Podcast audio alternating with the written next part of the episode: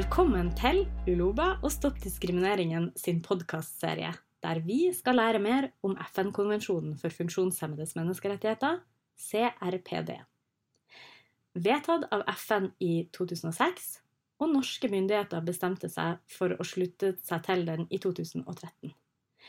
Men den er ikke tatt inn i det nasjonale lovverket, sånn som de andre menneskerettskonvensjonene. Det sjokkerer FN. Hva betyr CRPD egentlig? Hvem og hvor mange berører den? Hvorfor blir funksjonshemmedes menneskerettigheter behandla ulikt andre menneskerettskonvensjoner? Gjelder ikke menneskerettighetene for alle? Dette er CRPD-skolen. Vi er så heldige å få med oss Berit Vegheim og Stopp diskrimineringen på denne podkastserien, og hun skal vi snakke mer med etterpå. Men hvorfor skal vi snakke om CRPD i de neste episodene, Kristin? Jo, bl.a. fordi politikerne i Stortinget den 9. mars i år hadde sjansen til å stemme ja til å ta CRPD inn i lovverket, sånn som FN etterlyser. Men de stemte nei for tredje gang på få år. Og vi må snakke om hvordan dette kan skje, om hvorfor det er så viktig at CRPD må inn i norsk lov, og om hva som må til for at det skal skje.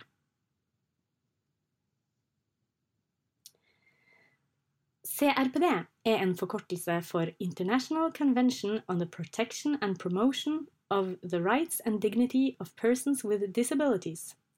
Litt kronglete greier. På norsk så har den mange navn, f.eks. FN-konvensjonen for funksjonshemmedes rettigheter, eller simpelthen CRPD, sånn som vi bruker her. CRPD er altså en menneskerettskonvensjon, den nyeste i rekka av denne typen konvensjoner som FN har lagd. Og hva er menneskeretter for deg da, Kristin? For meg, og for så vidt alle andre, så kan menneskerettigheter f.eks. være retten til å si og mene hva jeg vil, retten til å ikke bli dårlig behandla, til å bestemme over meg sjøl og mitt eget liv, retten til utdanning og arbeid, til å bli med i en organisasjon eller forening om jeg vil det, retten til helsetjenester, retten til å bestemme hva jeg vil bruke pengene mine på, stifte familie om jeg vil det, at alle er like for loven, sånne ting. Så det handler jo egentlig sånn i bunn og grunn om at jeg sjøl skal være den som bestemmer hvordan jeg lever livet mitt. Og det skal gjelde absolutt alle mennesker i hele verden fordi de er mennesker. Ja. Men skal funksjonshemma da ha egne retter i tillegg til de menneskerettene som alle har? Det er et veldig godt spørsmål, og svaret er nei. Det er nemlig akkurat det som er greia. Eh, CRPD inneholder ingen nye rettigheter. Det er en tydeliggjøring av hvordan statene skal oppfylle de menneskerettighetene som alle har, også for funksjonshemma. Og alt dette du nevner nå, det er jo ting som de fleste tar for gitt i Norge i dag. Vi er vel best i klassen, vi, på menneskeretter. Eller det mener vi iallfall sjøl. Ja, Norge har jo rykte på seg for å være gode på menneskerettigheter. Og likevel så er det mange mennesker her i landet, både voksne og barn, som ikke er garantert eh, samme rett til å bestemme over oss sjøl og vårt eget liv, eller over hvor vi vil bo og med hvem, som ikke har samme tilgang som andre til utdanning og arbeid, eller er garantert å få beskytta retten til familielivet, eller er garantert samme juridiske rettigheter som andre. Og det er bare fordi kroppene våre fungerer annerledes enn det som er forventa. Ja, men du, hvordan ble det bestemt hva som skulle være menneskerettigheter? Det var det FN som bestemte. FN, eller De forente nasjoner, ble oppretta i 1945. Det var etter at andre verdenskrig, den andre store krigen på kort tid, hadde ramma millioner på millioner av mennesker. Delegater fra 50 land møttes i San Francisco med mål om å lage en organisasjon som skulle bevare fred og hindre fremtidig krig. Ingen skulle noen gang igjen oppleve sånne grusomheter og overgrep som under første og andre verdenskrig. I 1948 så var FN enige om verdenserklæringa om menneskerettigheter, en rekke grunnleggende rettigheter som skulle gjelde for alle mennesker i hele verden. Og med dette grunnlaget så lagde man senere flere menneskerettighetskonvensjoner. Ja, OK. Um, I Norge så har vi jo f.eks. kvinnekonvensjonen og barnekonvensjonen som en del av lovverket vårt. Men hva er egentlig en konvensjon, da? En konvensjon det er altså en type kontrakt som statene som underskriver den, forplikter seg overfor hverandre til å følge. Eh, I 1966 så var FN ferdig med sine to første konvensjoner om universelle menneskerettigheter. Den ene konvensjonen den inneholder sivile og politiske rettigheter, og den andre inneholder økonomiske, sosiale og kulturelle rettigheter. Konvensjonen om de sivile og politiske rettighetene handler om at staten plikter å ikke utsette innbyggerne sine for unødvendig innblanding i livene deres, eller andre typer maktovergrep. Borgerne skal f.eks. ha ytringsfrihet, stemmerett, vern om privat- og familieliv og frihet fra tortur.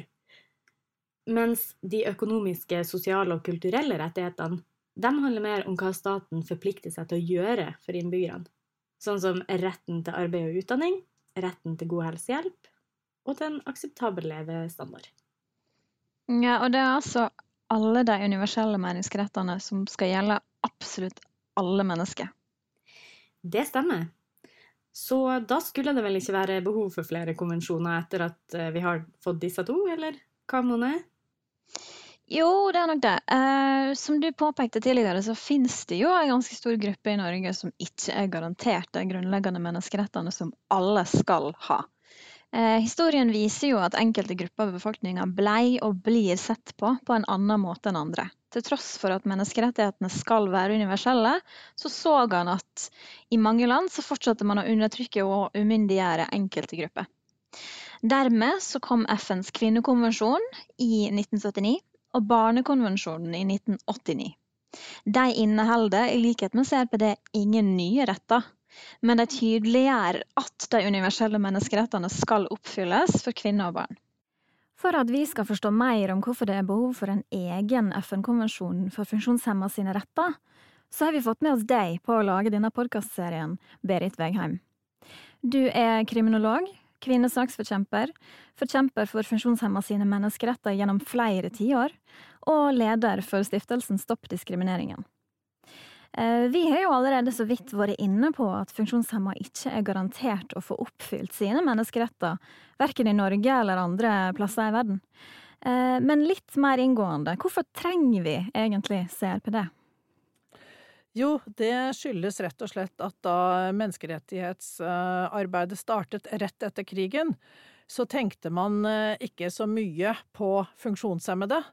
Eh, slik at det som skjedde, var at man laget først en verdenserklæring. Der er riktignok eh, funksjonshemmede nevnt, men bare som en sånn gruppe som trenger en ekstra forsørgelse. Og det er jo fordi at slik så man på funksjonshemmede da, at det er ikke en minoritet i verden, sånn som andre minoriteter, men en gruppe som trenger eh, å bli forsørget, og som ikke klarer seg selv.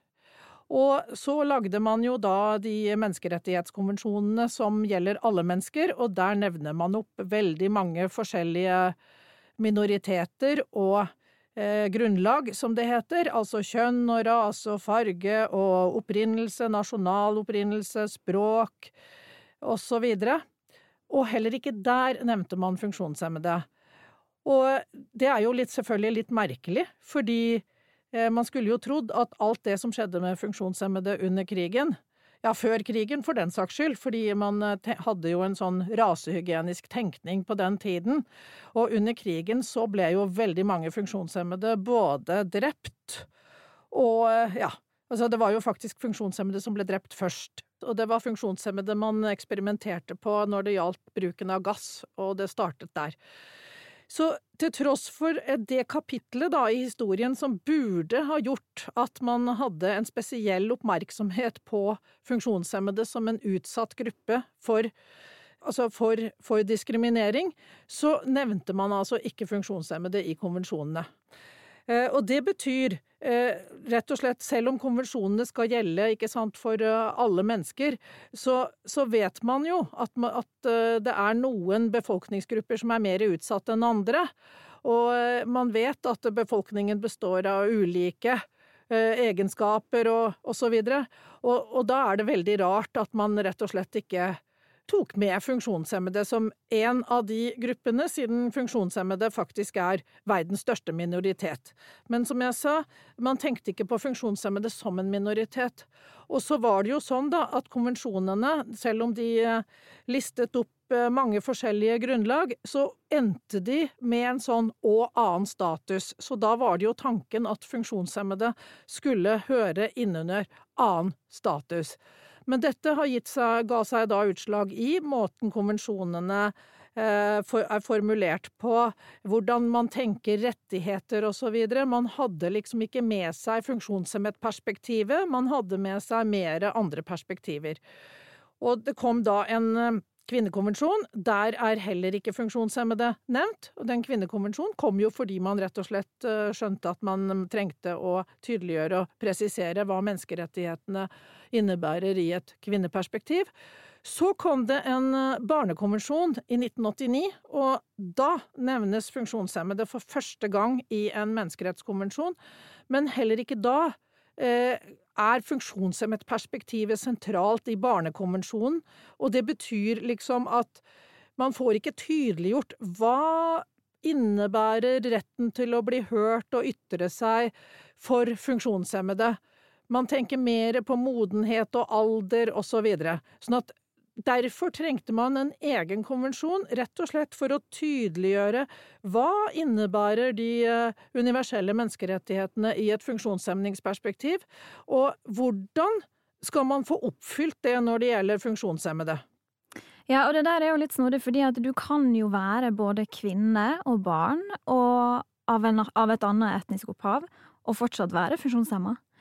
Eh, så da, da, kommer vi til mitt eh, neste spørsmål. Eh, vi har jo allerede snakka litt om funksjonshemma, men det her er jo en veldig stor gruppe.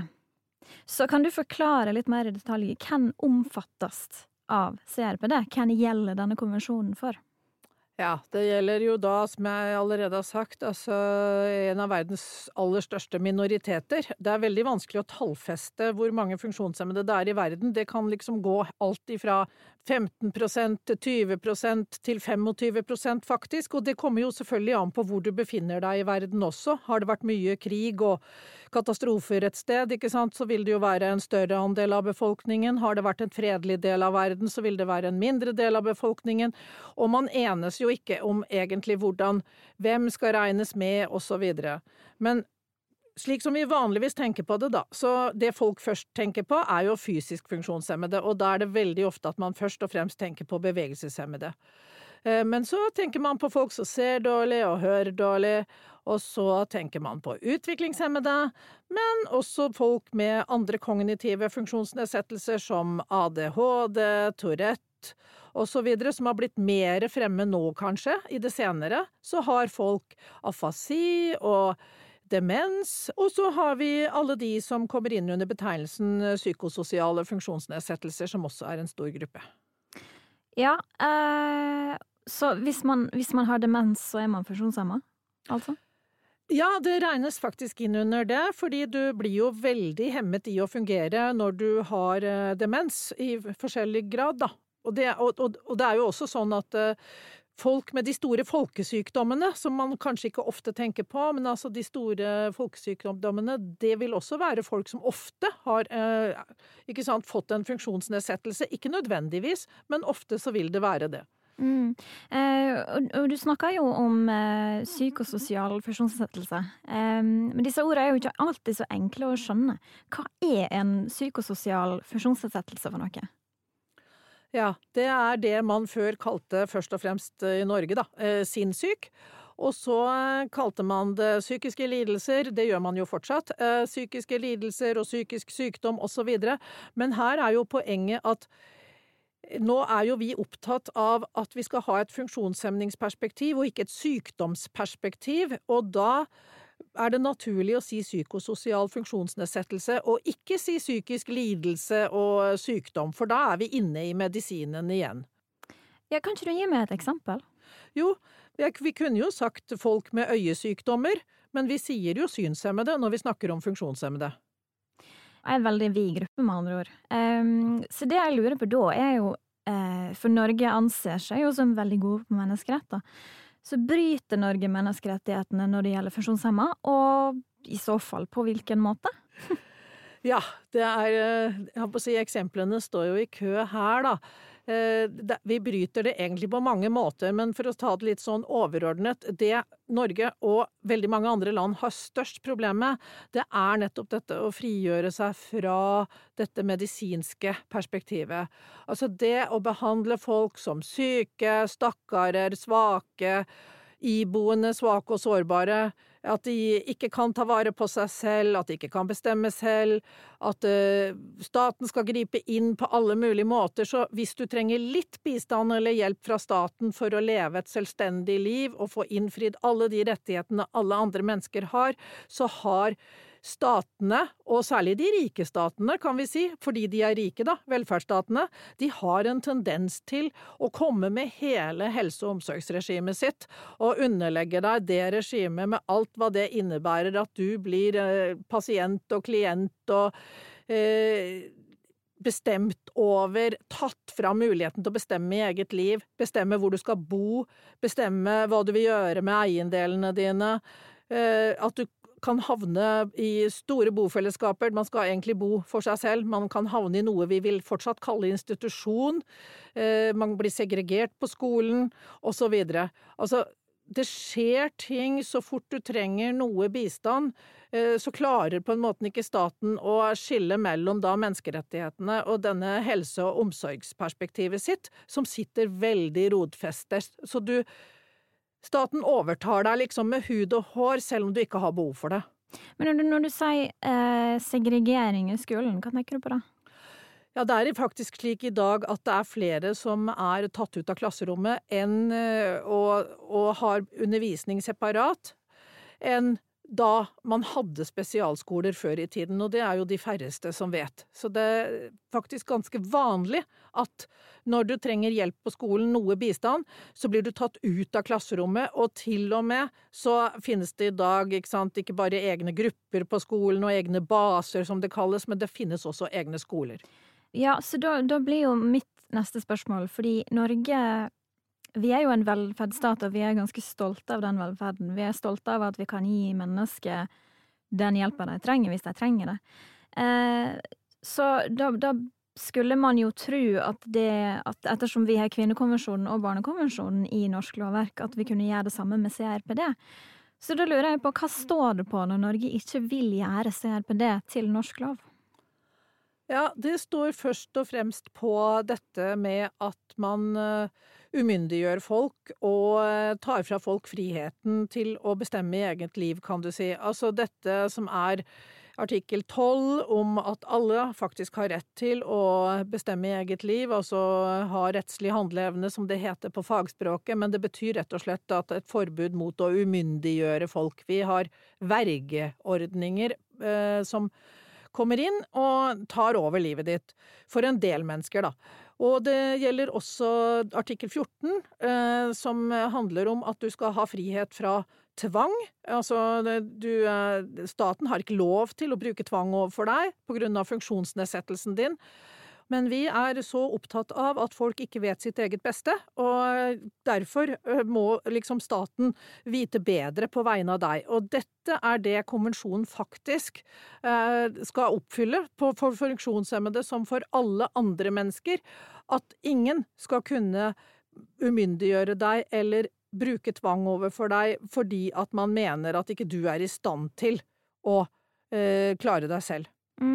Og der lurer jeg litt på eh, om du kan gi meg et eksempel igjen. For jeg er litt nysgjerrig på eh, på hva måte umyndiggjør Norge funksjonshemma? På hva måte griper Norge inn i folks liv på den måten? Det er jo særlig noen grupper, da. Altså det er jo Først og fremst så er det sånn at det er utviklingshemmede eh, staten umyndiggjør. Eh, så 40% av de voksne med vergemål, de har utviklingshemming. Og vergemål, det kan Altså da Vergemål er jo at du får en verge, og det kan jo være Det skal være frivillig, men uh, ofte så er det jo ikke det.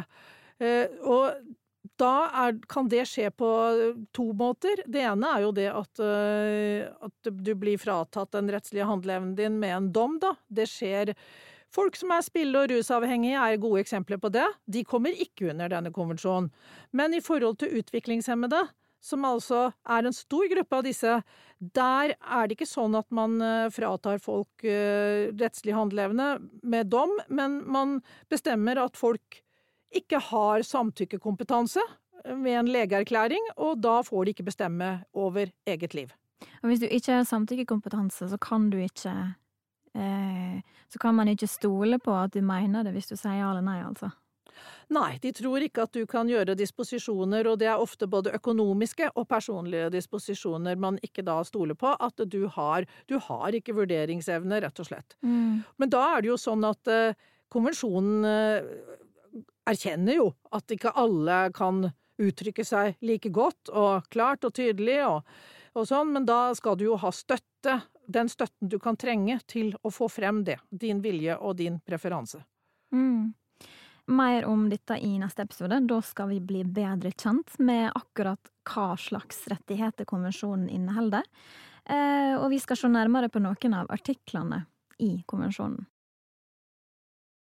Dette var altså første del av podkastserien CRPD-skolen, der vi fant ut at vi trenger FN-konvensjonen for funksjonshemmedes menneskerettigheter, rett og slett fordi det må tydeliggjøres overfor statene at funksjonshemmede skal ha de samme rettighetene som andre mennesker, og hvordan disse skal oppfylles.